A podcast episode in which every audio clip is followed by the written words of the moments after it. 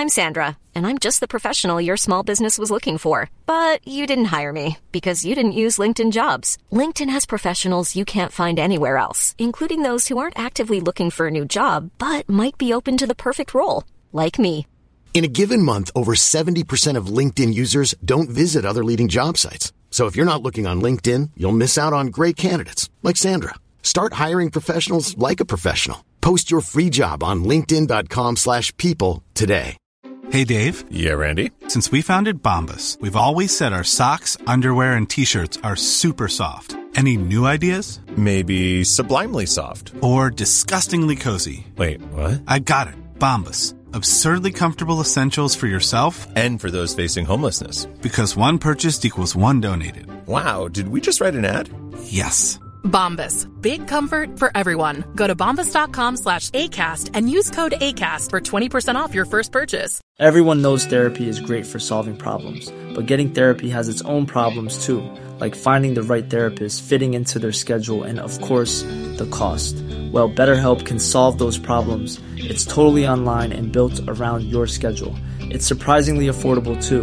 Connect with a credentialed therapist by phone, video, or online chat, all from the comfort of your home. Visit betterhelp.com to learn more and save 10% on your first month. That's BetterHelp, H E L P. Er du klar for pod, Øystein? Veldig glad for pod, altså. Nå har vi tatt med oss utstyret inn i virkelig lekre lokaler her. Ja, nå føler jeg at vi har gått inn i et sånn, eh, en sone. Gått inn i en sone, vi har, vi har gått inn i et fenomen i den norske bilhobbyen, nemlig lagerseksjoner. Nå har vi gått inn i en sånn lagerseksjon. Og her var det godt å være. Ja, det her var det fint, vet du. Og perfekt akustikk for en pod. Ja. Ja. ja, men kjører vi pod, da? Ja, gjør det.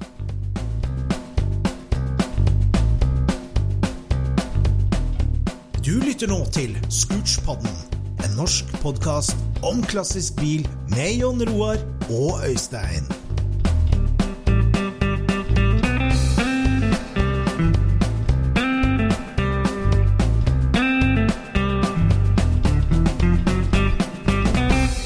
Kjære lytter, velkommen til en ny episode av Scootspodden. Og i dag har vi flytta Scootspod studio inn i en lagerseksjon her utafor Larvik. Og klatra opp i en herlig mancave innerst i en stor, fin lagerseksjon. Og her sitter uh, Mr. Lagerseksjon himself, altså Lager for alle, Sven Otto Røne Jacobsen. Velkommen til oss.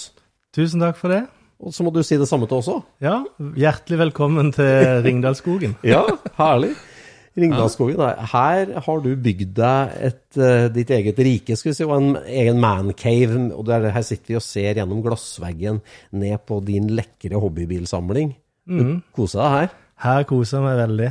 Det er sånn at uh, alt jeg hadde i garasjen, måtte finne en plass. Ja. Og da var det perfekt å få det inn i en lagerseksjon. Og ikke bare så er det en herlig patinert Ford pickup, det er en nylakkert, nydelig Bronco, en feit Charger, en løpsrigga Mustang, men også vitrineskapet med de gamle Star Wars-figurene og Walkmanen din. Helt riktig. Ja, Alt det ikke kona vil ha hjemme, det har havna opp på lageret. skjønner. Ordentlig kult uh, setup, altså. Og, eh, virkelig hyggelig å kunne komme på besøk her. Takk for det. og vi Velkommen skal jeg være. For eh, Otto blant venner, og Otto i podden nå, ikke sant? Mm, helt mm. riktig. Eh, Du er jo samme generasjon som oss, og vokste opp i Søgne. Mm. Og fortell oss kort liksom bilinteresse, hvor kom det fra? Eh, jeg hadde en farfar som jobba på bussfabrikken i Søgne. Og når jeg var liten, så husker jeg at jeg fikk en svær sånn lastebil- eller bussforgasser av han. Bussforgasser? Ja. Så hver gang jeg var på besøk hos farfar og farmor, så satt jeg og skrudde den ifra hverandre og satte den sammen igjen. Så det var liksom sånn eh, tidsfordriv der, da. Det var ikke noen pepperkakebaking der? Det var ikke, nei, det var dårlig med det. Solid mekanobit. Ja, riktig. var så Ekte chunk of metal. Ja, herlig. Så da satt jeg der og skrudde og fant ut hvor eh, fjærer og dyser og alt skulle inn. Og noen ganger måtte jeg hjelpe pappa, selvfølgelig, og sånn, da, men eh, stort sett så ble jeg jo bedre og bedre Ja. for hvert besøk. Så kult. Og så har det jo alltid vært sånn at når jeg fikk eh, nye sykler, så prøvde jeg å ta vare på dem, men når de liksom begynte å bli litt slitte, så var det å bygge de om, da. Ta noen skjermer eller bygge noe drev, sånn at de gikk enten fortere eller var flinke, fine å bruke i skogen og alt sånne ting. Ja, ja, ja. Og så etter hvert så fikk vi jo moped, og ble 16 år. Og da var det jo jeg vet ikke om jeg har lov til å si det på lufta, men da var det jo trimsett og alt det som alle andre gjorde. Så da var det til min far og mors store frustrasjon, så gikk jo mopeden veldig raskt på toppfart, men han gikk jo ikke opp bakkene hvis ikke du hadde turt der. Så det var sånn filt utblåsning og innsug. ja, ja, ja, ja. Billig, billig trimsett. Ja. Og etter hvert så endte jeg opp med å flytte til Grimstad og gå på ingeniørhøgskolen der, etter å være ferdig på gymnaset. Og da gikk jeg på elektronikk, industriell elektronikk. Og da var jeg ganske bestemt på at eh, når jeg fikk min første lønning og sånn, så skulle det legges av og spares til en motorsykkel. Ja, motorsykkel, ja. Tohjuling. Da var det tohjuling som gjaldt. Hvor kom den inspirasjonen til motorsykkel fra, da? Eh, kanskje Harley Davison eller Malbo, men Ok, ja, ja, ja, ja. jeg, jeg husker det ikke helt. Men eh, filmen står jo på det berømte skapet inne på ja, ja, ja. Naborommet her. Ja. Jeg, så jeg tror det var det som gjorde det at jeg, jeg leste, leste masse Wrighton og så veldig mye kule sykler og shoppere. Det var shoppere som lå meg nært, da. Akkurat derfor det er ikke motorsykkel, det var Harley. Det var Harley, ja. Ja, Det var det. Det var det som var tingen. Så jeg Var det, var det USA òg? Altså, Ja, USA var jo Men jeg hadde ikke vært i USA da. Så da var det egentlig bare en uh, vært en liten tur på lista, kanskje? Ja, det, det var det. Så jeg husker faktisk jeg var i Lyngdal og kjøpte mine første Harley-boots. Det tror jeg var i 92 eller noe sånt. greier. Så det var liksom den første Harley-effekten. Ja, ja. Så da begynte du å spare til ordentlig Harley. Ja, jeg gjorde det. Ja. Bare sånn liten digresjon, da. Hvis du ser den eska som ligger oppå den pallereolen der, Ja, det er eska til mine første Harley-boots fra 92. du har den. Jeg har eska ennå. Sann mancave, altså. Ja, for vi sitter jo på hemsen her nå og ser utover lagerseksjonen din, og pallereolen står der, og der har du altså tatt vare på en del Der er det mye minner. Ja. Det er det. Helt klart.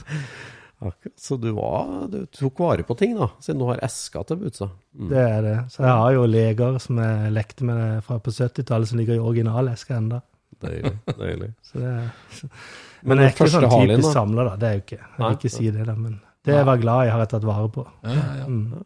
Mye, mye du ble glad i da, ser jeg. Ja, ja, det er det. Det var derfor jeg trengte en seksjon. Ja, jeg. Men jeg så ikke den bussforgasseren i vitrineskapet. Nei? Nei, den lurer jeg òg på hvor er blitt av.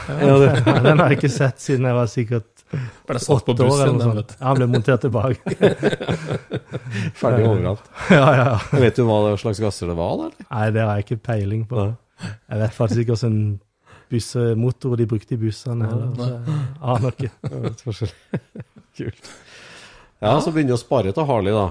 Og så blir det Harley da, etter hvert. Ja, jeg begynte å jobbe inn på Etterstad i Sønnico faktisk i 96. Ja.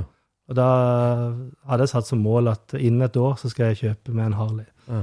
Så det gjorde jeg da. Så når vi kom i januar 97, så var jeg nede i Østfold, nede med Mysen, og kjøpte en stivramma shopper med kalde Evo straightleg-ramme og okay. Evo-motor og firetrinskasse og Full komfort. full komfort med bilhjul bak og skikkelig la- Jeg tror det var 260, Oi, oi. 260 fra ende til ende, liksom, og over to meter akselavstand på den. Så det var skikkelig lavt, og det var, det var langt og lavt. Akkurat som du ville ha det. Akkurat som jeg ville ha det. Men det gikk jo bare Jeg tror det Ja, det gikk kanskje Første vinteren hadde han nokså originale bytter, vel noen styrer, noen speil og noen holker og noe greier, og så var det full ombygging på den òg, da. Ja. Mm. Ja, hvordan var det da på våren, våren 97, når du kunne sette deg bak rattet på Eller nei. Styre? Styre, heter det. Hvordan var det å kjøre egen Harley? da, liksom, det du hadde drømt om? Det var jo en fantastisk befrielse. Ja, det var det. Eh, Det, det hører jo med til historien at jeg tok lappen i Grimstad. For da er det jo eh, Det var vel i 95, tror jeg. Og da har jeg kjørt til Harley, så det var litt gøy. Oi, oppkjøringa. Og så hadde jeg vel òg en tur med hun jeg var sammen med på den tida. Vi leide Harley òg på um, Harley Davidson i Oslo, på Carl Berner plass. Ja. Da leide vi i sommeren 96, tror jeg, leide Harley der, og så kjøpte jeg min egen da i 97. Ja. Så jeg hadde fått litt smak på det før jeg, Ja, før jeg kjøpte min egen. Ja. Til, til tross for at komforten var litt uh, stiv, så var det en god følelse.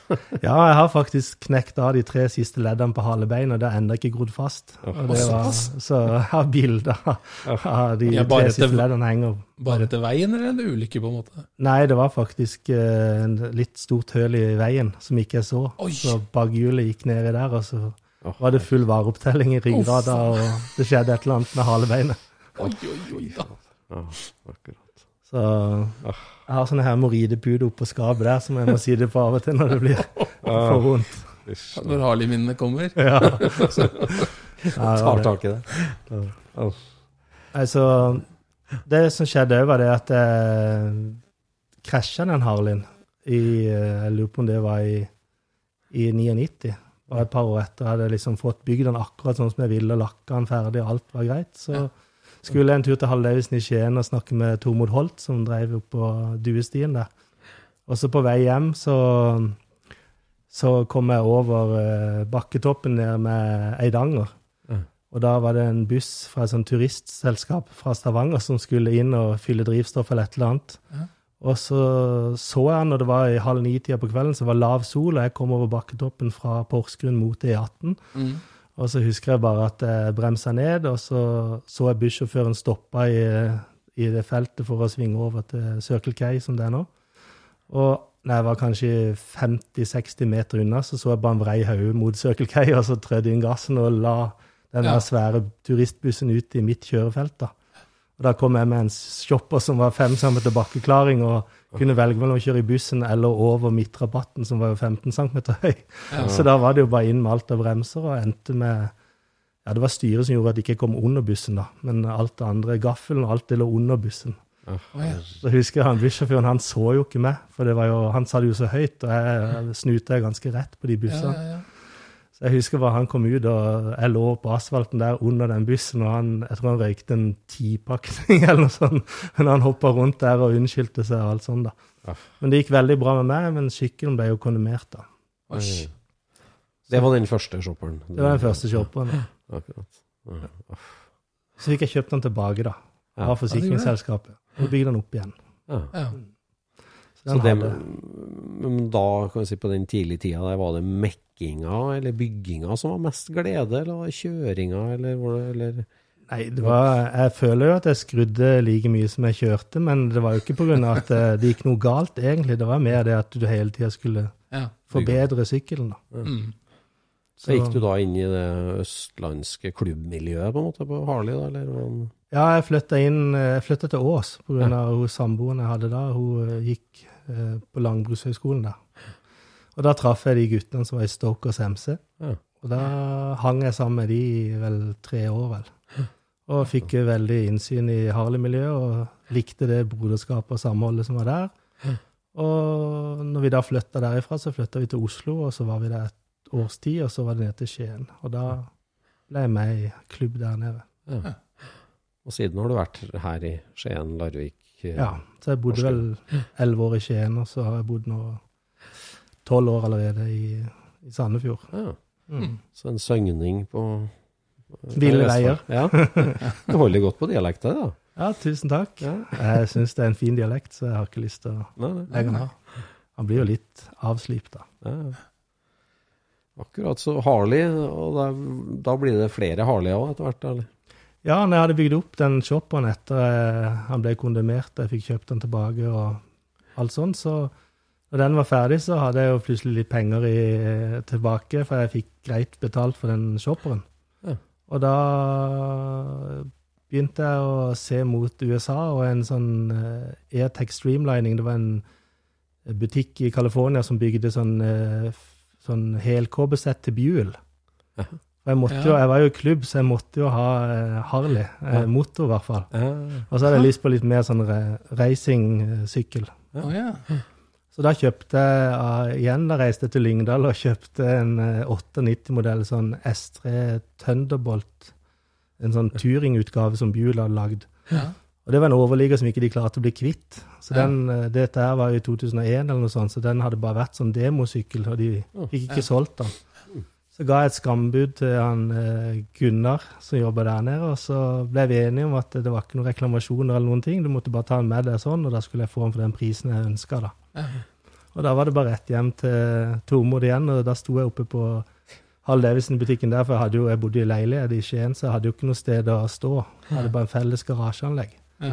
Så da sto jeg hjemme, eller nede hos uh, Tormod på verkstedet der, og bygde om den, da korta den inn og heva hekken og ja, aluminiumsbaksving og noe Ja, For at det skulle bli mer som en R-sykkel, var det sånn jeg skulle forstå det? Ja, Ja, så det ble en fullkåbesykkel med sånn duskoblinger, og alt Ja, skulle bare kunne kobles fra med en 50-øre. Ja. Så Og fullt KP-sett. Ja, det var fullt full KP-sett med han, med biscenen fra Mercedes kjøpte fra Hella Nord den tida. Og brukte hvor får du disse ideene fra, da? Er det, er det blader, eller sitter du og liksom Nei, det, jeg driver og tenker altfor mye av og til. Da. Så det har eh, Ja, så jobber jeg jo i Sønnico fortsatt, og da hadde vi eh, en trafikklysavdeling. Og de var jo akkurat begynt å komme med LED da, i trafikklysene. Så jeg tok et sånn et, eh, som var et ødelagt uh, kretskort da med LED, LED-pærer på, altså fra rød selvfølgelig da. Og så var de jo blankene, ikke det var strøm på de, så da kutta jeg jo ut eh, baklykta av en sånn, en, et sånn defekt, sånn et uh, trafikklys da. Og en sånn sota pleksiplate foran der, og så ble det liksom skjult baklys, men allikevel, det lyste jo kraftig rødt når du bremsa da, og hadde kjørelys på. Kult. Det var masse sånn finesser som vi lagde, og ja, ja, ja. For det med å mekke og skru og sveise årene, det lå nærmest naturlig for deg etter forgasseroppveksten? Ja, men eh, sveising var jeg aldri flink på da. Så det var liksom Da var det mer sånn jeg måtte ty til andre som var flinke til å sveise. Men jeg lagde alle delene og gjorde det klart. Og ja, ja. sånn så hadde jeg noen kompiser som var flinke til å sveise, og så fikk jeg de til å tigge og gjøre det strøgent. ja, ja. Jeg klarte ikke å få det nivået på sveisene som jeg ville ha sjøl, da. Nei. Så på den bjulen så var det faktisk Morten Snippen fra Bø som jobba på Hall Davison da, som hjalp Ja. med å tigge og gjøre det strøgent. Mm. Mm. Tøft. Tøft. Og, den sykkelen ble da ferdig og ble som en skum, som drømmen sa? Den ble ferdig, og samme sommer som den ble ferdig, så var det selvfølgelig noen barnesykdommer i forhold til Jeg ville jo ha den høyest mulig bak, så jeg lå liksom framover over sykkelen. For jeg hadde satt på klipp-on-styr, og jeg hadde bestilt masse deler før jeg fikk sykkelen. Jeg hadde liksom tenkt, sett alt for meg hvordan det skulle bli. Ja. Og da husker jeg når jeg bygde over fra belt til kjede, så, så gnagde jo det over eh, baksvingopphenget til girkassa. Mm. Og så da hadde jeg funnet på en sånn lur løsning med at jeg skulle legge noe sånn teflonbelegg over der, sånn som er på crossmotorsykler, så ikke kjedet skulle bli ødelagt. Ja. Og kjørte jo da til Bergen, Vi skulle til Bergen og videre til Island med denne sykkelen her, på jomfruturen nesten. Så vi, vi var jo eh, seks stykker som sala opp og reiste over eh, fjellet og kom til Odda. Og da husker jeg at når vi kjørte ut mot eh, Utne, tror jeg det heter, der du kan ta ferja over til Kinsarvik eller et eller annet sånt, Ja. så lå vi og kjørte ganske i ja, fin driv utover fjorden der mot, mot Utne. Og så klokka begynte å bli ganske seint, så vi håpet vi skulle få ei overnatting på det uten hotell som ligger rett på ferjekaia. Mm. Og når vi kom ut der, så var jo selvfølgelig ferie, siste ferja gått, og hotellet var stengt. Selv om det var liksom høysesong, da. Så jeg vet ikke hva som hadde skjedd. Og da ble jeg litt sånn forbanna, så jeg satte den i første gir, og så dro jeg på, og da sleide jo hele det 530 DID-kjedet. X-ring-kjedet bare, bare røyk. Røyk. Røy? Og da tenkte jeg ok, da er jo det ligger gnagd helt ifra Skien til Utne, liksom. Så det hadde gnagd seg gjennom uh, Ja, det hadde- teflon? Ja, det hadde liksom teflonen hadde blitt uh, slipt ned, og så hadde det begynt å gå på kantene som holdt teflonen fast i den metallbraketten jeg hadde lagd. Ja. Så da tenkte jeg å herlighet, tenk om det hadde skjedd eh, liksom på vei de der eh, snirklete, smale veiene ut mot Utne. der. Da hadde jeg ligget i fjorden hvis det hadde låst seg. Så det var jo kjempeflaks, men uh, vi hadde jo ikke noe sted å bo. Så vi endte jo opp med å ligge på de der små benkene inne i det der ventehuset der. vi hadde jo ikke med oss noen ting av klær eller noe, for alt lå i følgebilen. Ja. Så meg og han Torbjørn Trøan som er fra Porsgrunn, vi lå og sov på hver sin benk i den ferjekaia der og venta på at den skulle komme. Og når den kom, så tok vi og kom og over på andre sida, og så satt vi der og venta og spiste litt mat. Og så kom de guttene med følgebilen, og de har fått med seg et kjede fra fra Jeg husker ikke om det var CVP eller Harley Davidson eller et eller annet Ja. sånt. da. Ja. Så sto vi på kaia der og klinka og ordna og styrte og fikk på kjedet og kjørte videre til Bergen. Ja, Funka det videre, da? altså? Ja, ja, så da bare måtte jeg bare senke Ja, bare Begrense hekkehøyden litt, Ja. grann, så, så gikk han fri. Altså kort inn med noen, litt, et par ledd eller noe sånt. Ja, stemmer. Så da kom vi oss videre, og kom oss til kaia til Smiri Line og reiste over til Island. Og etter to døgn på ferja så kom vi til Seidisfjordur, eller et eller annet sånt heter det der. Ja. Og da møtte vi alle de her guttene i Hog Riders, de der eh, Mm. Hal Davison Owner Group. Da, da hadde de hatt en sånn en tur på Island som vi skulle ha da. Ja. Men vi ble jo nekta innreise, da, for at de mente jo at vi skulle opp og starte Hells Angels chapter eller et eller annet sånt. Jaha. Så det vi ble jo strippa ned på kaia der, og de sjekka syklene våre, de sjekka bagasjen vår, vi sto i Uniken, og de sjekka sokken, sokkene våre, så alt ble gått gjennom, og så Så du så skummel ut? ja, vi gjorde visst det. Yes. Så, og det var visst en sånn lov i islandsk lov for å verne befolkningen på Island fra 50-tallet som de gjemte seg bak, og det resulterte i at vi måtte bare gjøre vennereise, da. Nei. Nei? Jo, altså vi fikk fire, timer, fire dager på ferja og en fin fest, da, men eh, det var en veldig lang tur for å ende opp i Skagen på treff på toppen i Skagen istedenfor. Wow. Yes. Så Altså- brukte en lov om å ikke etablere klubb eller Hells Angels-opplegg, da? Ja, altså vi, vi skulle besøke en, eh, en klubb der oppe og være med på et sånn svært sånn Harley-treff, som, eller motorsykkeltreff, som var på en strand der, hvor de spiste sånn råtten hai, som er en sånn tradisjon på Island. og ja, Det var masse kult som skulle skje, så vi hadde gleda oss. Vi skulle kjøre, vi seks skulle kjøre rundt hele Island på sykler, da. Og så hjem igjen. Stoppe på ferjen på vei hjem. Men den, den historien der kan jeg sikkert fortelle to-tre timer om. Det var veldig mye rart som skjedde der på den turen, da. Sånn er det ikke når vi drar til Tyskland med boblene, Øystein. Nei, vi har aldri blitt strippa ned noe der, altså. Nei. Jeg blir jo spurt om hva de koster, de delene vi har med oss hjem ofte, men det er jo alltid noe skrot. annet. Neida. Så vi endte opp på toppen av Danmark. Ja, ja. Mhm. Men uh, jomfruturen for Bjuelen var besto, da, bortsett fra kjedeproblematikk. Helt klart, han gjorde det. Og etter det så gjorde jeg faktisk ikke noe annet enn å foliere noen dekaler og gjøre den litt mer sånn bøllete. Så den, den eh, var det egentlig ikke noe vits å gjøre noe på. Han ble perfekt første gang, så det var gøy. Ja. Godt, planlagt. Mhm. God prosjektgjennomføring. Ja, ikke sant. Ja, og så utvide altså motorsykkel. Vi har snakka litt for lite om motorsykkel i Scootspoden, egentlig. Ja, det har vi gjort. I hvert fall om Harley har vi snakka litt for lite om. Ja. Kanskje vi har snakket for mye i dag? Nei, Nei. det er derfor jeg sier at det er veldig bra. Men det vi liksom leter litt etter, er jo det der, dem som er veldig interessert i begge deler. Og, og, og hva er felles, og hva er ikke felles på motorsykkel og bil. Mm. For du, du går jo etter hvert over da, mer og mer til bil. Mm. Sant? Og hva, hva, altså er det ikke sånn at en gang Harley-type, alltid Harley-type? på en måte? Det, eller? Det er jo, jeg er jo fortsatt glad i miljøet og alt sånn, og savner jo de her turene på sykkel, for nå har jeg jo ikke noe sykkel, jeg har solgt begge. Ja. Men eh, det var en sånn kombinasjon at jeg ble litt større og syntes det var Etter en ulykke i Porsgrunn så var jeg litt sånn redd, eller ikke redd, men jeg hadde ikke lyst til å kjøre uten beskyttelsesutstyr. Jeg har kjøreutstyr. Så da ble det liksom varmt på sommeren, og Ja. magen vokste litt. og Da var liksom mer behagelig å sette seg i en bil da, og så bli rundt nøylene og sitte i shorts og sandaler og kose seg. Ja, ja, ja.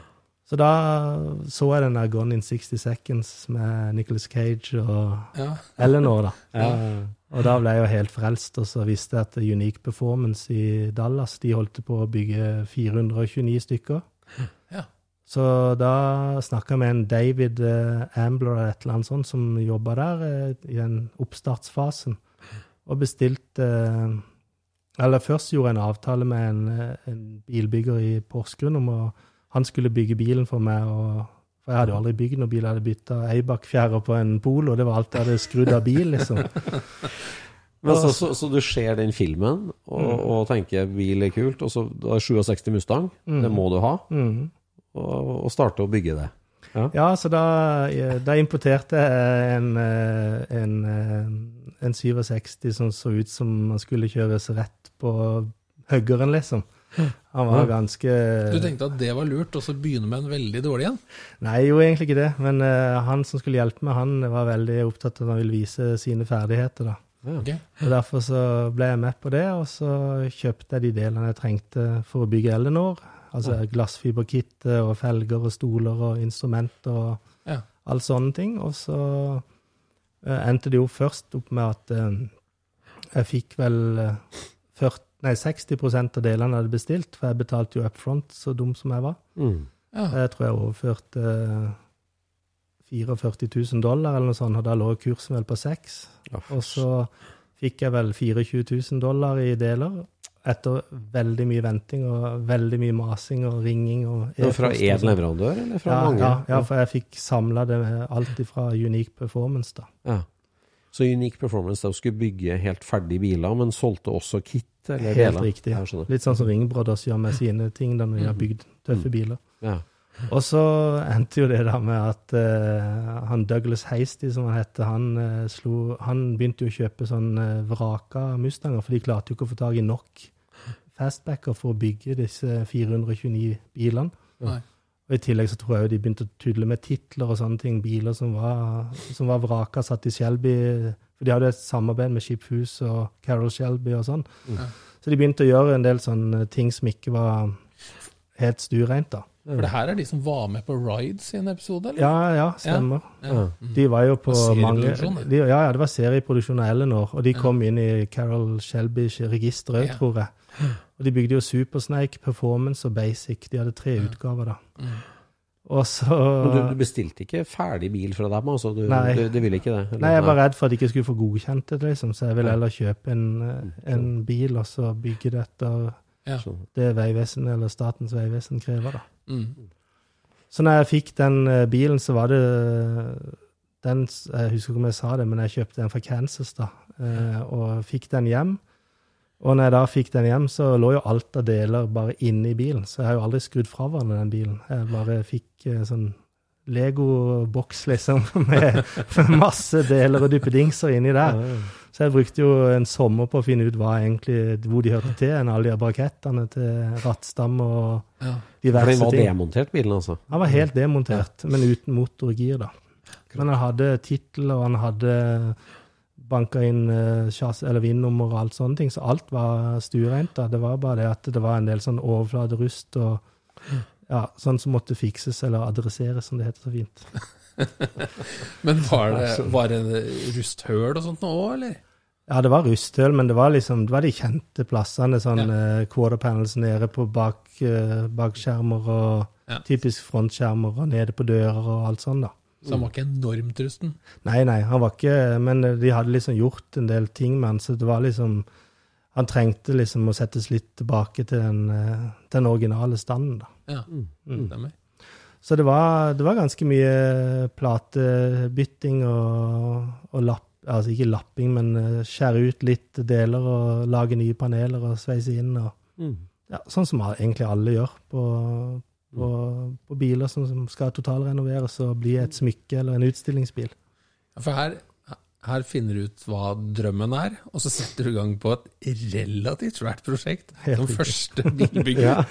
ja, hadde liksom bytta bremseskiver kanskje, og Eibach-fjære, som sagt, på en eh, Polo en gang før det. Men var det liksom dette at dette var ting du tenkte ut sjøl, eller, eller var det noen som sa at ja, det er det nivået du må være på, Otto? Nei, det var, det var egentlig en dialog med han som skulle hjelpe meg å bygge, at vi skulle liksom lage en eh, råeste Ja, altså, Eleanor i Norge. Ja, vi jazza hverandre opp litt, da. Ja. Så jeg husker jeg tok lån på en halv million. Eh, dette var jo i For dette å var jo, bygge to, dette var jo 2005 eller noe sånt, så Ja. tok jeg lån på en halv million for å bygge Eleanoren, som skulle liksom være den råeste i Norge, da. Oi, Herregud. Du var helt solgt, du. du var Ja, helt det solgt. var det. Jeg var all in. det var all in, ja. Ja, hva var det med den filmen og bilen? Altså, hvorfor øh, hva, Beskriv den følelsen. Altså, det å få så dilla, liksom. Nei, men det var jo, det var jo den kule Jeg hadde alltid likt Ford Mustang, liksom. Fastbacken. Det er jo fastbacken som, som er troner, da. Og så, når jeg så den filmen, så elska jeg jo linjene på den bilen, og det er jo en grunn til at han er en klassiker allerede, i- eller i dag òg, liksom. ja, ja. Men det er kanskje blitt, blitt litt for mange av de, syns jeg, da. Men eh, det er jo Du ser jo, fortsatt så selges det jo helt vilt høye i, høyt i pris i USA. Ja. Jeg ser jo biler som er, som er liksom nesten standard, bare med litt nytt uh, understell og bremser og originalt interiør, som selges jo for en million i USA. og Sånn. Det er helt Han traff en nerve, han Chip Fuss. Han gjorde det. Helt klart. helt klart. Mm. Så det følger med til historien at jeg gjorde jo ganske bra eh, sånn research i forhold til lakken. Så var det jo DuPont som hadde originallakken til den bilen. Ja. Så jeg ringte jo, eller skrev mail, jeg husker ikke det, men jeg hadde iallfall dialog med DuPont Norge, og fikk da de til å sponse all lakken, og de skulle stille ingeniører for å bygge opp fra perfekt rent stål til ferdig produkt med showfinish på lakken da, og klarlakken. Ja, det her er prosjektstyring. Ja, det er Og så I tillegg så fikk vi Pioner til å sponse. Kunne bare plukke akkurat det jeg ville av, av høyttalere fra Pioner. I bytte, I bytte så skulle de få låne bilen litt da, til å vise seg fram. Helt riktig. Sånn som det gjøres i dag, da, at man har sånn eh, Sonax eller eh, et eller annet, Ja, ja. McWire eller et eller annet som, som fronter bilen på Oslo Motorshow eller SEMA. Ja. eller Mm. Og så snarere jeg i dialog med en som heter Alexander, jeg husker jeg, fra Boom. Så, eller fra Auto, Autofil, mener jeg. Ja? Så da var jeg snakk, vi var i dialog med Alexander at Tommy Rustad skulle kjøre når han var ferdig på Ru- Rudskogen, og vi var på det nivået, liksom. Fader, du var. Og så gikk jeg til Defa, eh, Car Security, og skulle De, de sponsa med alt av utstyr, og de skulle bruke den i brosjyrene sine, da, for dette, den var liksom Selv om det er en Ford, så er han liksom en litt sånn kjønnsnøytral, da, Ja, ja. i forhold til moderne biler, ikke sant. Når du skal ha Mm. Ellers må du kjøpe, kjøre en Mazda i brosjyren den det året, neste år så må du kjøre en Toyota, og så må du kjøre en Mm, Får ikke støtt noen fra for seg. ikke støte noen fra seg. Ikke sant? Så da fant DFA ut at det var jo genialt. Da kunne vi jo ha Eleanor som ikke kunne stjeles, for han ble jo stjålet i filmen. Men nå skulle han være så bra rigga med tracking-system og alt sammen, så den her skulle jo ikke Not gone in 60 seconds, liksom.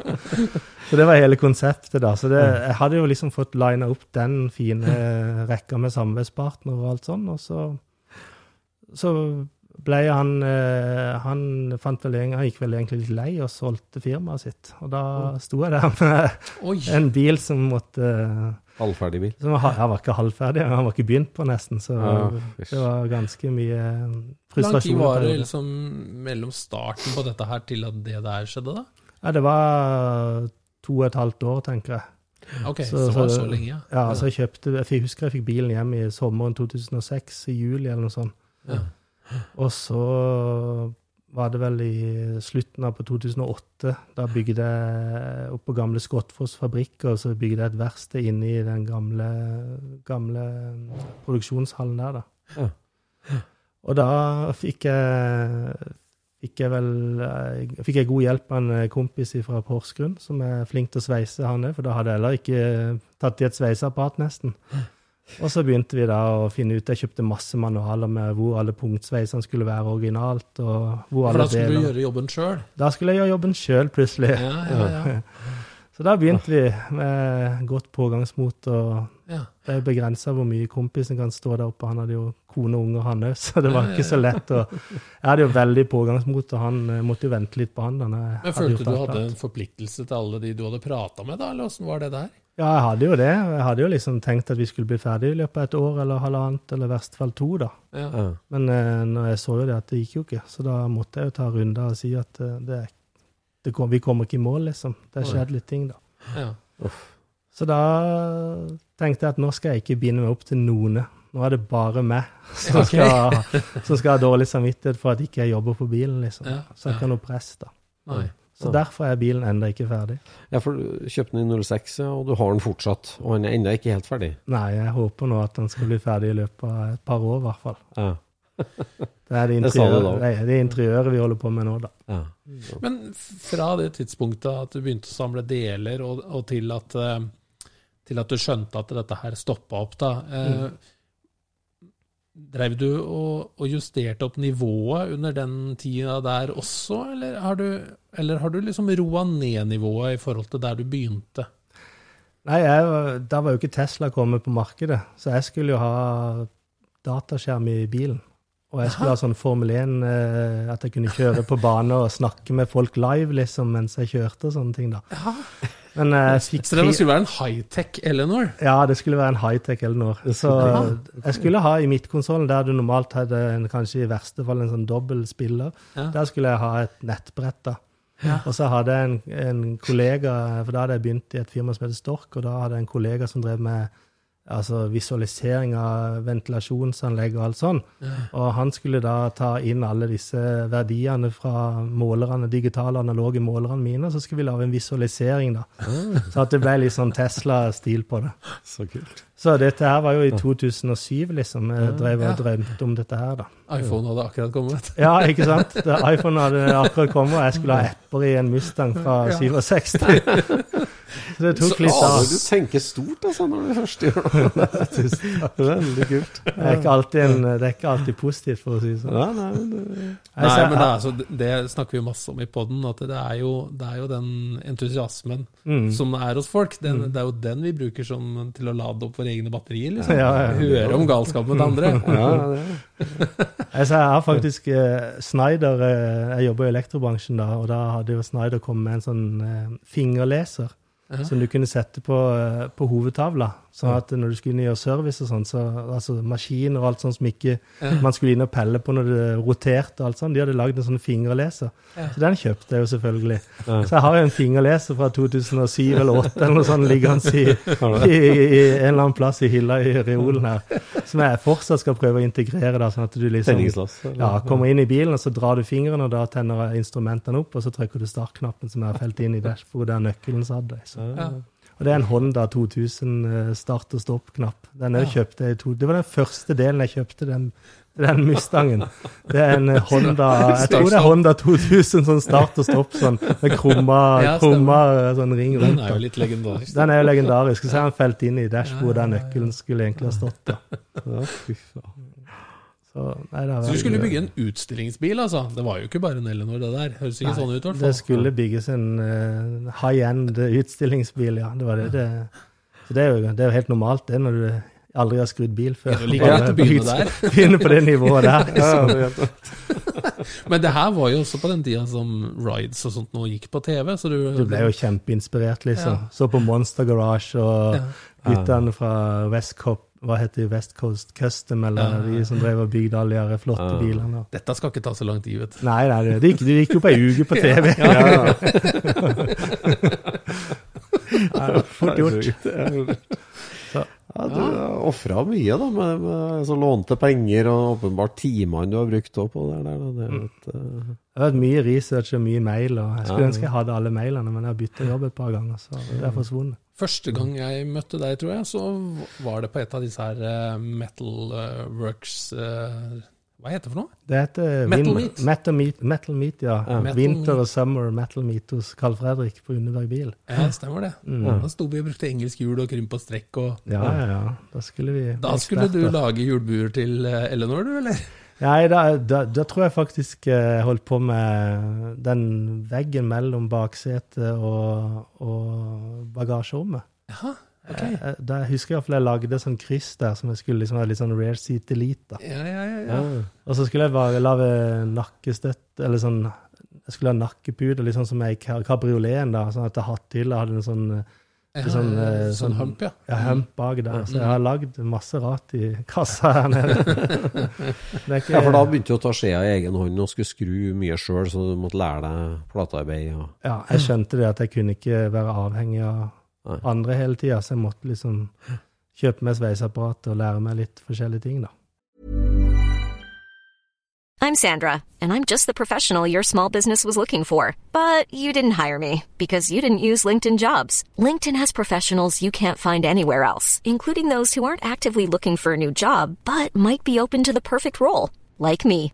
In a given month, over 70% of LinkedIn users don't visit other leading job sites. So if you're not looking on LinkedIn, you'll miss out on great candidates like Sandra. Start hiring professionals like a professional. Post your free job on linkedin.com/people slash people today. Everyone knows therapy is great for solving problems, but getting therapy has its own problems too, like finding the right therapist, fitting into their schedule, and of course, the cost.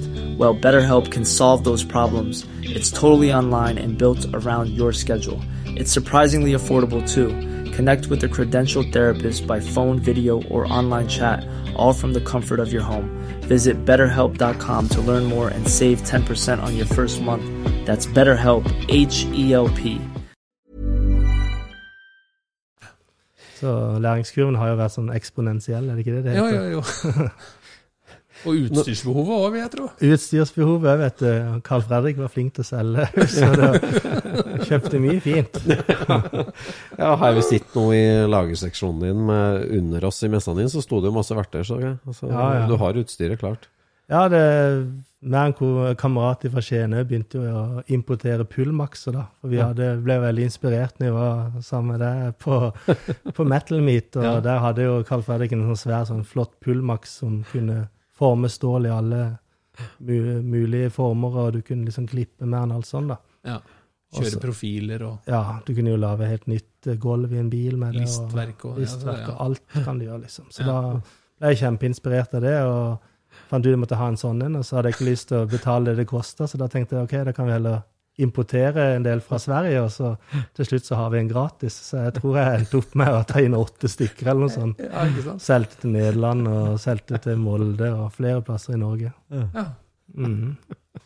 Du, du, du legger liksom turbo på det meste. Ja, Ja, for når vi ser ned her på garasjegulvet ditt, så har jo åpenbart Ellinor blitt flere biler. Du har jo flott bilsamling her nå. Det ble smittsomt. Det Ja, for det. det, når det går for tregt med Ellinor, da, så dro du ut i gang med andre prosjekter. Ja, det gjorde det. Det er liksom Eleanor, eller den Mustangen Nå er det jo ikke Eleanor lenger, jeg har Nei. solgt alt kittet, så nå er det jo mitt eget design som kommer Ja. på den. Men det er jo sånn at det, det blir um, Det blir sånn at den blir alltid satt på pause, liksom. Det er alltid den som kommer til sist. Ja. Ja. Det er derfor det har tatt så lang tid. Så um, jeg begynte heller å importere litt uh, pickuper, da. Ja. På 50- og 60-tallet. Fant jeg plutselig ut at det var jo sikkert et marked som kom. Ja. Og når jeg begynte med det, så var det helt normale priser. Da kunne du liksom kjøpe pickuper for 6000-8000 dollar i USA og få de hjem med normal frakt og alt sånn, og du kunne gjøre litt penger på det. da. Ja. Så det var jo ikke noe, det var mye skruing og sånn. Det var jo ikke noe ikke Ja, da er det patinabiler vi snakker om, ikke, Ja. ikke strøkne. Nei, nei, da var det ikke noe strøkne. Da var det helst mest mulig sånn solbrent patina. Ja, ja, ja. Så det var 53 og 54 og Ja, 53, 54, F100 og sånn. Ja. ble tatt inn mye av det, og så var det en to, hadde jeg en sånn CT 62-modell Ja. Med Fleetside. da. Mm. Var du over til USA og leta opp det, eller satt på annonser? Satt på eBay og på annonser og alle disse classic eh, cars-sidene og alt sånne ting, og leide. Begynte å kjøpe borti der, ta hjem og selge her i Norge. Ja, så jeg kjøpte usett. Så det var en, det var en eller usett, du hadde jo sett bilder, da. Men bilder kan jo lyve ganske bra. Det erfarte jeg jo på Mustangen min, så Ja. Så det er liksom eh, Det var egentlig å stole på folk, da. Prøvde å sende mail til de, og når du fikk, eh, fikk de svar, da, så ringte jeg til de og snakka lenge med de, og folk i USA er jo glad i nordmenn, og fikk liksom bygd et sånn tillitsforhold og alt sånn, og da var de interessert i å selge til deg, og Mm. ja, du sa hva du hadde tenkt å gjøre med de, og at du ville ha de på veien igjen, og alt sånne ting, da. Ja. Så det var da jeg havna i låven hos naboen, da. Ja. Og lå og rulla i duedrit og Ja, for da med, med importvirksomhet og egne prosjekt, så måtte du ha lokaler. Og du Da leier deg inn i en gammel låve. Stemmer. Jeg leide ikke, faktisk. Jeg var så heldig at jeg fikk låne gratis. En, Ja. Jeg lover mot Jeg tok litt rustsveising og sånn på bilen de sin, og sånn i betaling. Ja. Da lå du og rulla der i eh, gamle låvegulv og skrudde bil. Ja, ja. Så det var ikke noe sånn at det var en dårlig låve, men det var jo bare det at det var, det var alltid, alltid mye dritt på gulvet på en låve med ved og Ja. si, traktor som leker olje og alt sånne ting. da. Perfekt. Perfekt. fugler som flyr inn og ut, og svaler og duer og alt som skal gjøre fra seg. Ja, ja. Så der sto du med pullmaksen din og alle pickupene? Nei, jeg hadde ikke pullmaksen da, den hadde jeg hjemme i garasjen. Men eh, det var der jeg sto med alle pickupene. Ja. Så gikk jeg ned i garasjen, for der var det varmt og godt, og da kunne jeg stå der og lage delene som måtte til. da. Ja. Stemmer. For da skjer jo det taktskiftet som er, som er litt eh, Som gjorde at vi eh, som var nysgjerrig på deg, Otto. Og det med at du da ligger der og skrur i primitive lokaler og bestemmer deg for at det her må jeg gjøre noe med. Jeg må, jeg må ha meg et ordentlig lokale. Helt klart. Og da, da skjer jo den livsendringa hos deg, der, der du går inn i bransjen, altså lager for alle, og begynner å bygge lagerseksjoner. Hva skjer der? Fra, Jeg hadde vært i elektrobransjen da jeg som selger i 26 år. Og jeg hadde liksom vært uh, lenge i samme bransje, og hadde egentlig bytta jobb bare to ganger. Eller én gang. Jeg hadde vært i to, hatt to jobber, da. Mm. Og så sa jeg til kona en dag at uh, nå er jeg så kald og så lei av å ligge der i kaldt og skittent lokale, liksom, så nå må jeg nå må jeg rett og slett finne en ny plass, enten leie eller kjøpe, da. Og hun elsker å suse litt på Finn, så hun fant et lokal til meg i, på Borgeskogen, mener jeg det var. Og så sa hun det at det der, er- her kan du jo kjøpe et helt nytt lokal, liksom. Eh, og sånn, og det var liksom Det så ut som det skulle være trivelige lokaler, altså, men prosjektet var jo ikke påbegynt, så det var litt langt fram i tid, da. Nå er vi tilbake til 2018-19 eller noe sånt, eller? Ja, da er vi, da er vi 2019. Ja. Da er vi liksom eh, Da begynner høsten 2019, eller eh, ja, rundt der. Og da er det jo ja, de tidlige konseptene på det her lagerseksjonkonseptet eh, Mm. lanseres i Norge. Mm. Og altså store, nye industribygg delt opp i seksjoner, der du kan kjøpe deg en seksjon. Helt var- riktig. Ja. Eh, Vi snakka litt om det innledningsvis, her, at, at jeg har jo sett sånne i USA, på en måte lignende konsept, Mm. Mhm. eh, som var veldig populært der på 90-tallet i hvert fall. Men eh, eh, det her ble jo lansert i Norge som et konsept av andre. Du, du var kikka på og I dag så er det jo Alle har jo et forhold til det i dag. Det er jo blitt veldig populært over hele landet. Eh, og, og du var da og kikka på et nytt prospekt, men bestemte for at det her skal du gjøre sjøl. Ja. Eh, litt sånn Mustang-vibes igjen, da. At, eh, Eller Fullmarks-vibes. ja, eller Fullmarks-vibes. Skulle liksom kjøpe en eh, seksjon eller et, eh, en del av et bygg eller noe sånt, og så endte det opp med at jeg fant ut det her kan jo jeg bygge sjøl. så da var det bare å ta kontakt med Espen, da, som jeg har jobba sammen med i Stork i 14 år i elektrobransjen. Og så sa jeg, da hadde vi liksom Forhistorien til det her var at vi hadde jo egentlig tenkt å i en drøm da, så hadde vi liksom lyst til å ha nesten boligen over og så sånn garasje under i første etasje, sånn som det finnes Ja. noen, noen hus fra 70- og 60-tallet som er lagd sånn. Men så det var jo ikke så lett å oppspore i Sandefjord, da, så da var det liksom mer at ok, kanskje vi kan kjøpe næringseiendom, da, og så kan vi leie ut til de vi jobber for, og så kan vi så finansiere verkstedet i første etasjen da gjennom det. Mm. Så vi bøy på et par prosjekter, men vi kom ikke i mål, da. Og det var derfor så vi var liksom, vi var liksom litt i gang med å prøve å finne et lokale, da. Ja. Og når jeg da eh, så dette her med lager og seksjoner og sånn, så tenkte jeg det her er jo dette er noe som virkelig vi må se nærmere på, da. Ja. Og kontakta Espen, og han òg var like ivrig som meg. Og vi gikk til banken og sa nå trenger vi lån. og så hadde vi selvfølgelig tenkt godt gjennom det her og lagd en strategi, og vi fikk med banken på det. Og første året så lånte vi 90 millioner og hadde vel en, vi hadde vel en million hver i innsats, liksom, så det var eh, helt utrolig Altså, All ære til både DNB og at vi klarte å komme i mål med det. Ja, for da hadde du allerede sett deg ut at uh, Altså funnet ei næringstomt da, som var egna, eller? Ja, det er her vi sitter nå. Ja, Det var liksom den første prosjektet vårt. første Det ble lagt ut i mars 2020, når Norge stengte ned pga. pandemien. Det Da er litt hadde artig, du- vet du, for de sitter jo nå i gamle skauen til onkel Arvid. Gjør det? Ja, ja, ja. så kult. Det her er øh, gården som mora mi kommer fra. Her Er sitter det, vi i ja? skauen til nå. Det det? Utrolig kult. Ja. Så bra. Altså, da fikk dere kjøpt denne tomta på et øh, ganske nytt næringsområde utenfor Larvik, Helt riktig. og prosjekterte og tegna inn det første bygget. Og Mm. her er det mange seksjoner? Her var det opprinnelig 25 enkle, og så ble det da en del sammenslåinger og sånn, så vi endte opp på 19 seksjoner totalt da når det var ferdig. Så det er 1730 kvadrat eller noe sånt. bygget. Ja. Men, så- du bare sier ok, det her gjør vi sjøl. Fant du noen til å bygge for deg, da? Eller leverandører? Eller? Ja, ja, vi måtte jo gå runder, sånn som du gjør når du kjøper bildeler òg. Du må Ja. rundt og sjekke, sjekke alle som driver med det. Så vi var hos uh, fire eller fem aktører da, som var alt fra totalentreprenører til underentreprenører som vi måtte stå for uh, pro prosjektet, da. Ja. Men vi, vi fikk ikke med banken på å kjøre Vi hadde en sånn våt drøm om at vi skulle stå med pinnesveisapparatet og skralle og skru sammen byggene liksom nesten sjøl, Espen og meg, da. Ja.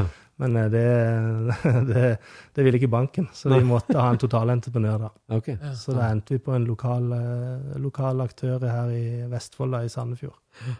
Akkurat. Så de har uh, hjulpet oss med mange bygg, og vi har òg vært innom tre-fire andre aktører. Så vi begynner å få veldig bra, bra erfaring da, og har bygd ifra, ifra Bodø og ned til, til det sydligste, vel egentlig Larvik. da. Har du det? Hvor mange seksjoner har du solgt da siden 2019?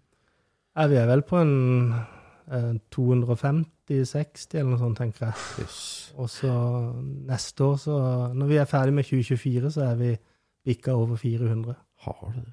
400 seksjoner fra Bodø i nord til Mm. Har du det? Herregud. Det er helt sprøtt. Det er jo en liten eventyrhistorie. Helt sprøtt, er- Ja.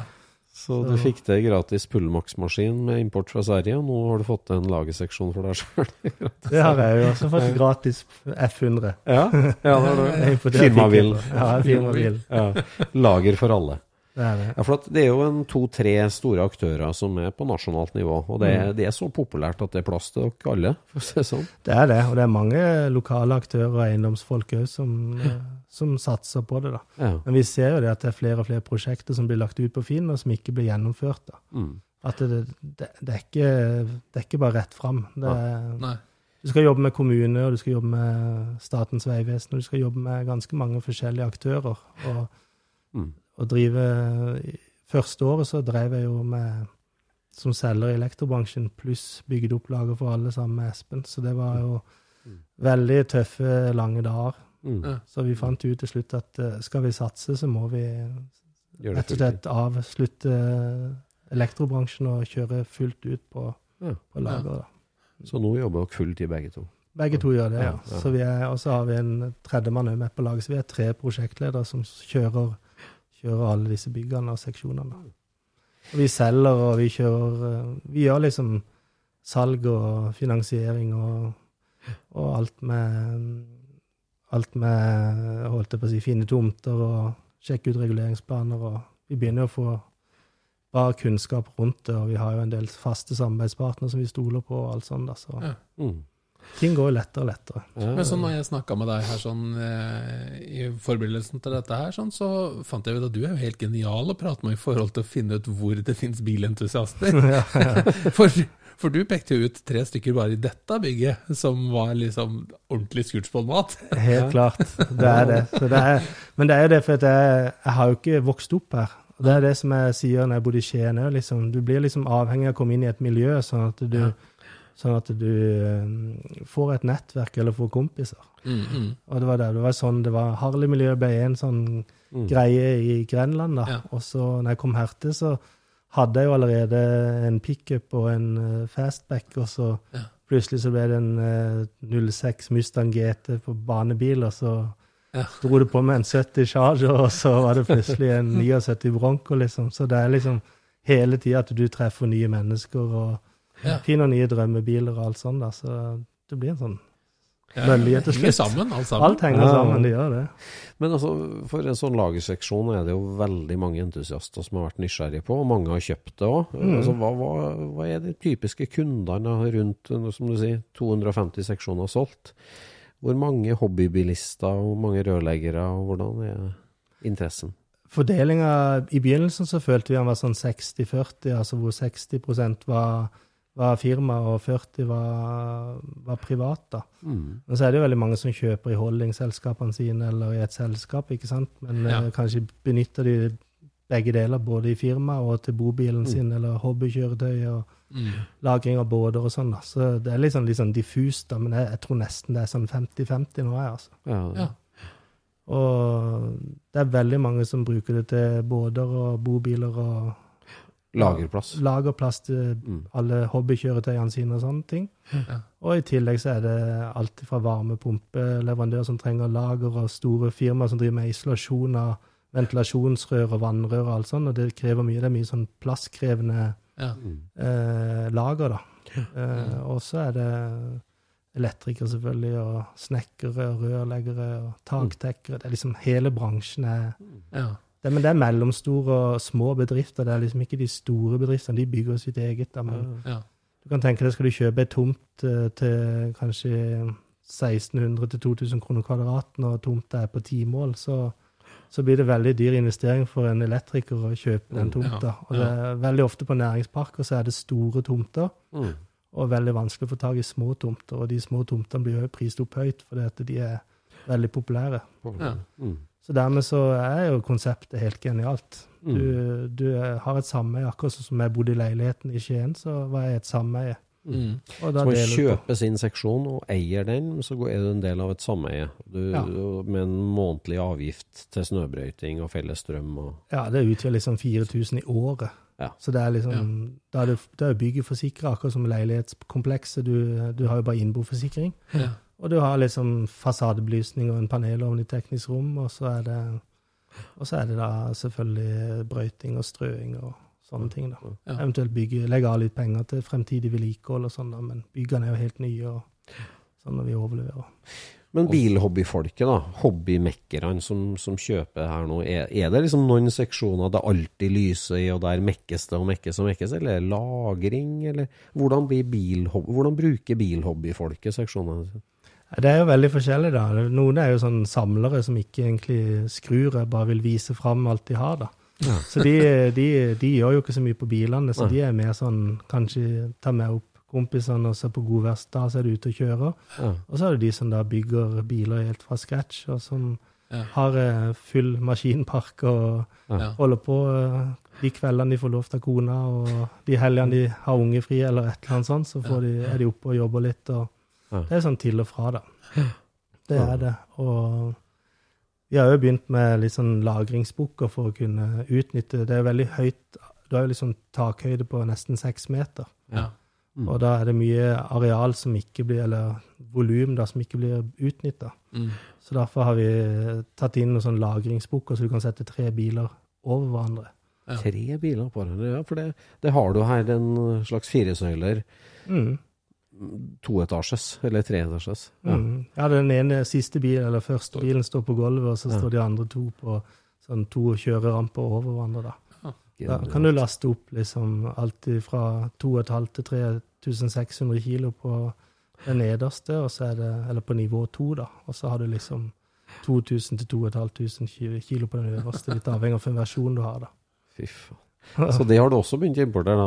Ja, det, er jo- det hadde jeg lyst på. Jeg hadde lyst på en sånn en i lagerseksjonen min, så da tenkte jeg da må jeg jo se til Kina og se om det Ja. finnes noe. Ja, Så det fant det. Det fant vi. Så nå har vi agentur på det i Norge. Ja, det det. Men jeg ser jo ikke noe Mustang her. Nei, det er jo den eneste bilen som er på ferie i Sverige.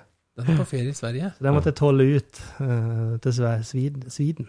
Ja. Mm. Så den er i Karlstad hos en veldig trivelig fyr som er kjempeflink med metallforming og Ja. kan uh, fullmaks og sikkemaskin og sånn mye bedre enn meg er det.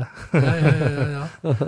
Nei, jeg, så jo, jeg så noen bilder, og det Ja, han holder ikke igjen. Nei, han er, han er ekstremt flink, og så er det ikke, han, det er ikke noe kompromiss. Han, liksom, han gjør det helt ut hele veien. Ja. Så han eh, lager eh, liksom Alt av bagasjerommet er kledd i aluminium med flotte mønster med, som er lagd av sikkemaskin. Og så i tillegg så lager han litt sånn old school design på rear-seat elite og midtkonsoll og sånn som går fra, Ja.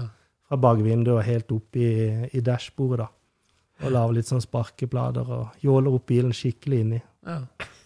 Jeg, tr- jeg tror det er sunt jeg, å drive og bygge sånne lagerbygg, for du har tydeligvis klart også å begynne å stole litt på folk igjen. Da. Ja, jeg har det. det gikk nesten eh, Ja, hva gjorde det? Ti år før jeg kunne slippe opp litt igjen. Ja. Så, men det er jo litt deilig å kunne treffe folk som har liksom passion, eller er flinke, og du liksom Du får det du ber om, at det blir Mm. levert.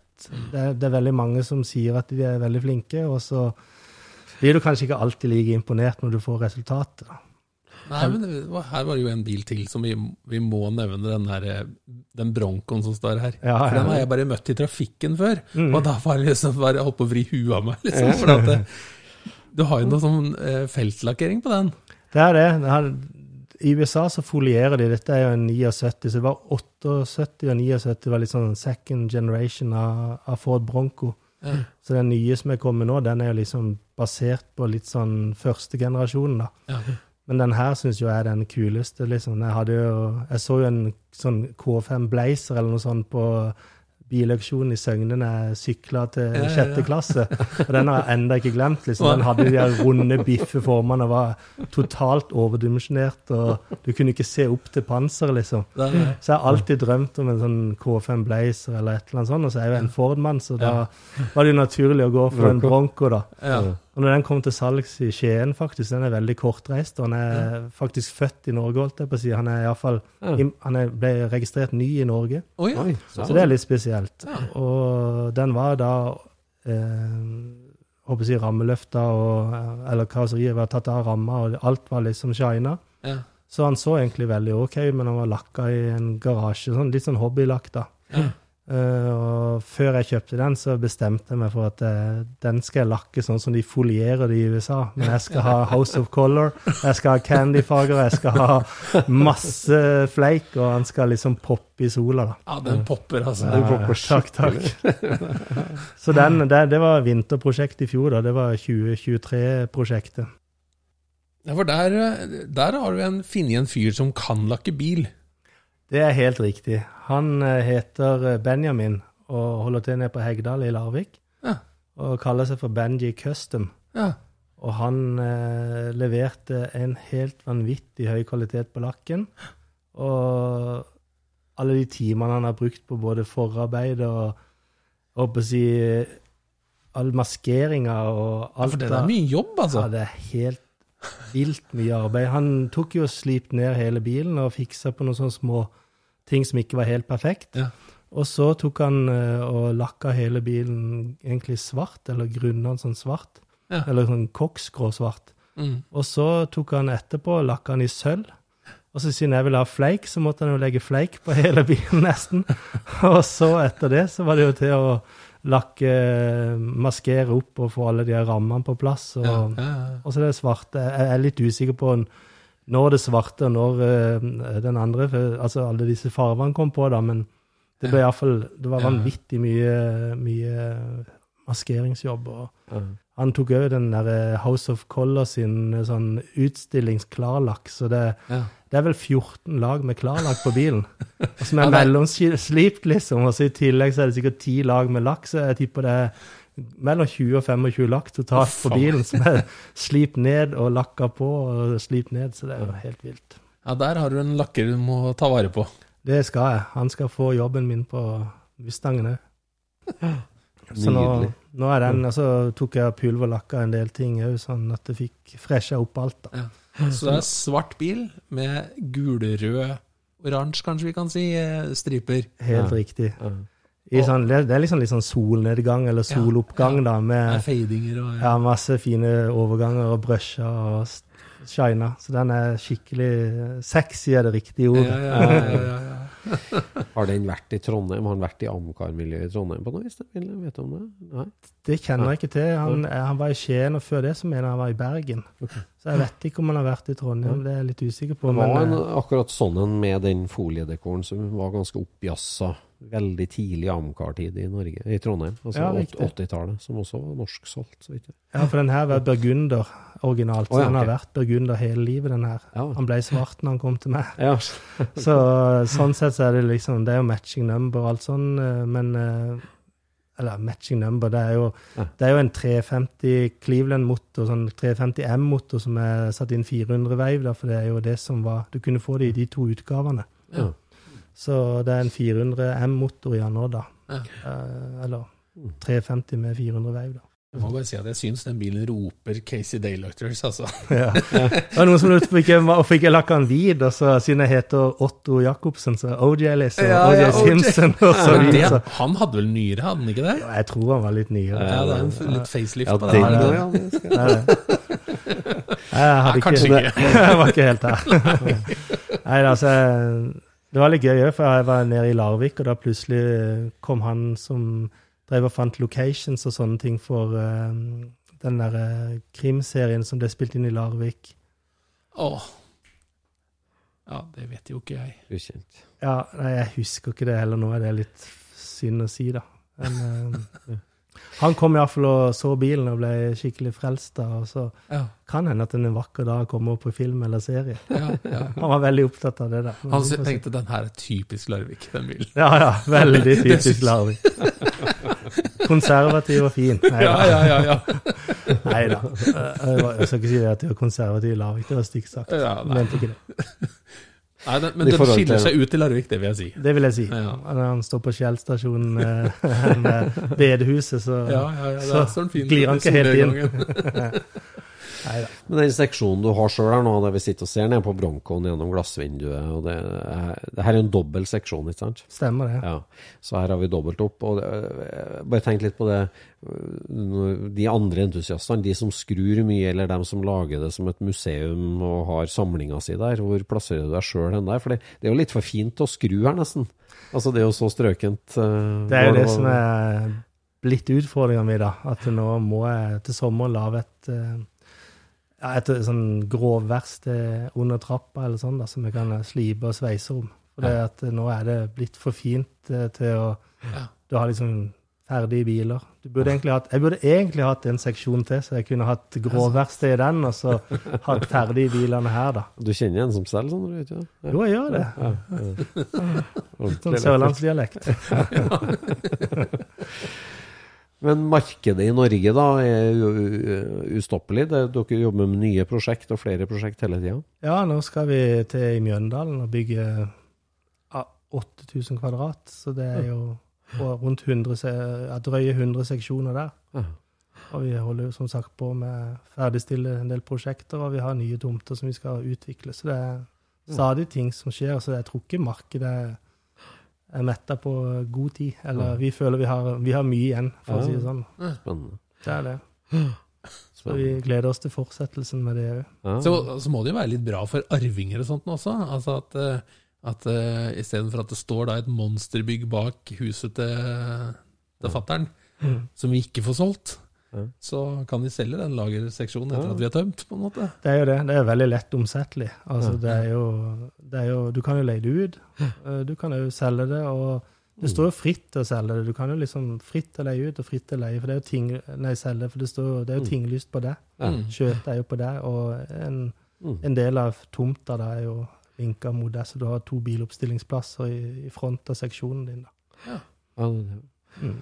Har du sett noen veldig sånn kreative innredninger på verksted, eller uh, ting som har hengt i taket, eller altså, er det noe, har du blitt skikkelig overraska? Ja, altså, Iallfall når det kommer til mesaniner og sånn, så er jo folk veldig kreative. Det er jo Ja. noen som har brukt uh, hulldekke, blant annet. ja, Altså betong? svære betonghulldekker og satt på svære ståldragere. Ja. Noen bruker jo limtredrager og bygger flotte, nesten kunstverk i tre. Ja. Og sånn som jeg har jo lagd en stålramme, eller fått en, et firma til å lage ei ramme til meg i stål, og så har jeg vært på Lysaker og snakka med en hyggelig kar der som eh, bygger om alle kontorer, eh, cellekontorer til landskap. Og da har de overskudd på glass.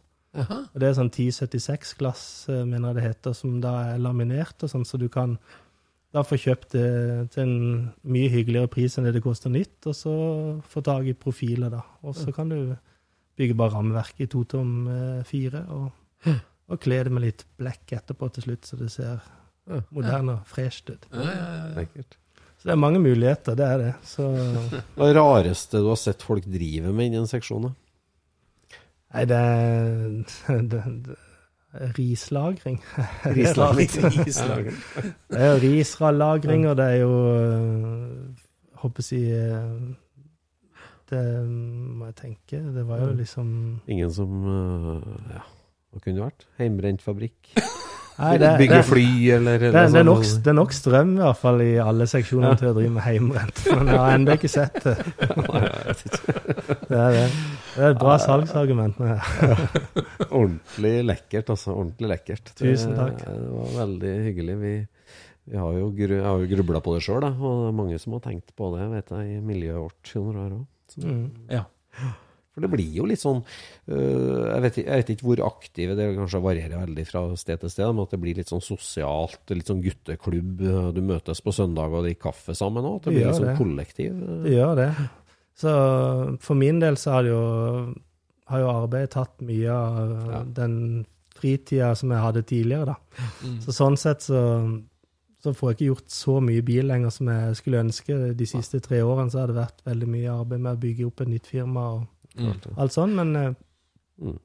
jeg håper som sagt i løpet, av, i løpet av et par år i hvert fall, så skal jeg liksom ha mye mer tid til, til bilene igjen og sånn, da. Så Da er blir Elinor ferdig, eller Ja. eks-Elinor. da blir X-Elinor ferdig, ja. Det er helt riktig. Så jeg satser på det. Og så er det jo et par andre drømmebiler jeg håper å få tak i etter hvert, da. Ja, Det, sånn det er. da trenger du en ny seksjon. Ja, jeg må det, da. må det. Ja, ja. Nei, men det her var veldig hyggelig, Otto. Takk for at du fikk, eh, at du fikk komme inn i ditt rike, bokstavelig talt. Bare Det var hyggelig. Veldig hyggelig. Hyggelig å ha deg som gjest. like. Spennende tema for mange Skurspodlyttere. Absolutt, det vil jeg si. altså. Ja, ja. Så da må vi ned og se litt mer på omvisning, tror jeg. Det må Det skal vi. Takk Det for praten. I like måte. Flott. Ha det bra. Scootspodden produseres av SSC Media, med god hjelp av VV Norge og Trond Dahl for hosting, Knut Micaelsen for musikk. Abonner på Scootspod via podcaster eller Acast, og følg Scootspod på Instagram og se det vi snakker om. Der kan du også komme med kommentarer og innspill, og fortelle oss hva du vil høre om.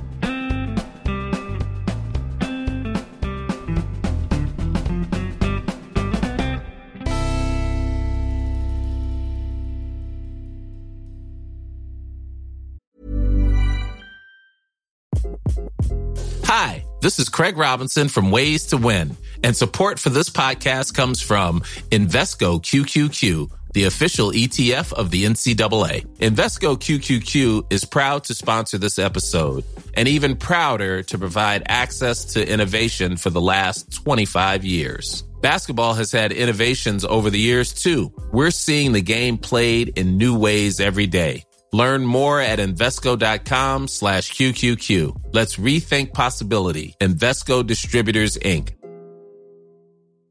Hi, I'm Daniel, founder of Pretty Litter. Did you know cats tend to hide symptoms of sickness and pain? I learned this the hard way after losing my cat, Gingy. So I created Pretty Litter, a health monitoring litter that helps detect early signs of illness by changing colors, saving you money and potentially your cat's life. Pretty Litter is veterinarian developed, and it's the easiest way to keep tabs on your fur baby's health right at home. Go to prettylitter.com and use code ACAST for 20% off your first order and a free cat toy. Terms and conditions apply. See site for details. Mom deserves the best, and there's no better place to shop for Mother's Day than Whole Foods Market. They're your destination for unbeatable savings, from premium gifts to show-stopping flowers and irresistible desserts. Start by saving 33% with Prime on all body care and candles. Then get a 15-stem bunch of tulips for just $9.99 each with Prime. Round out Mom's menu with festive rosé, irresistible berry chantilly cake, and more special treats. Come celebrate Mother's Day at Whole Foods Market.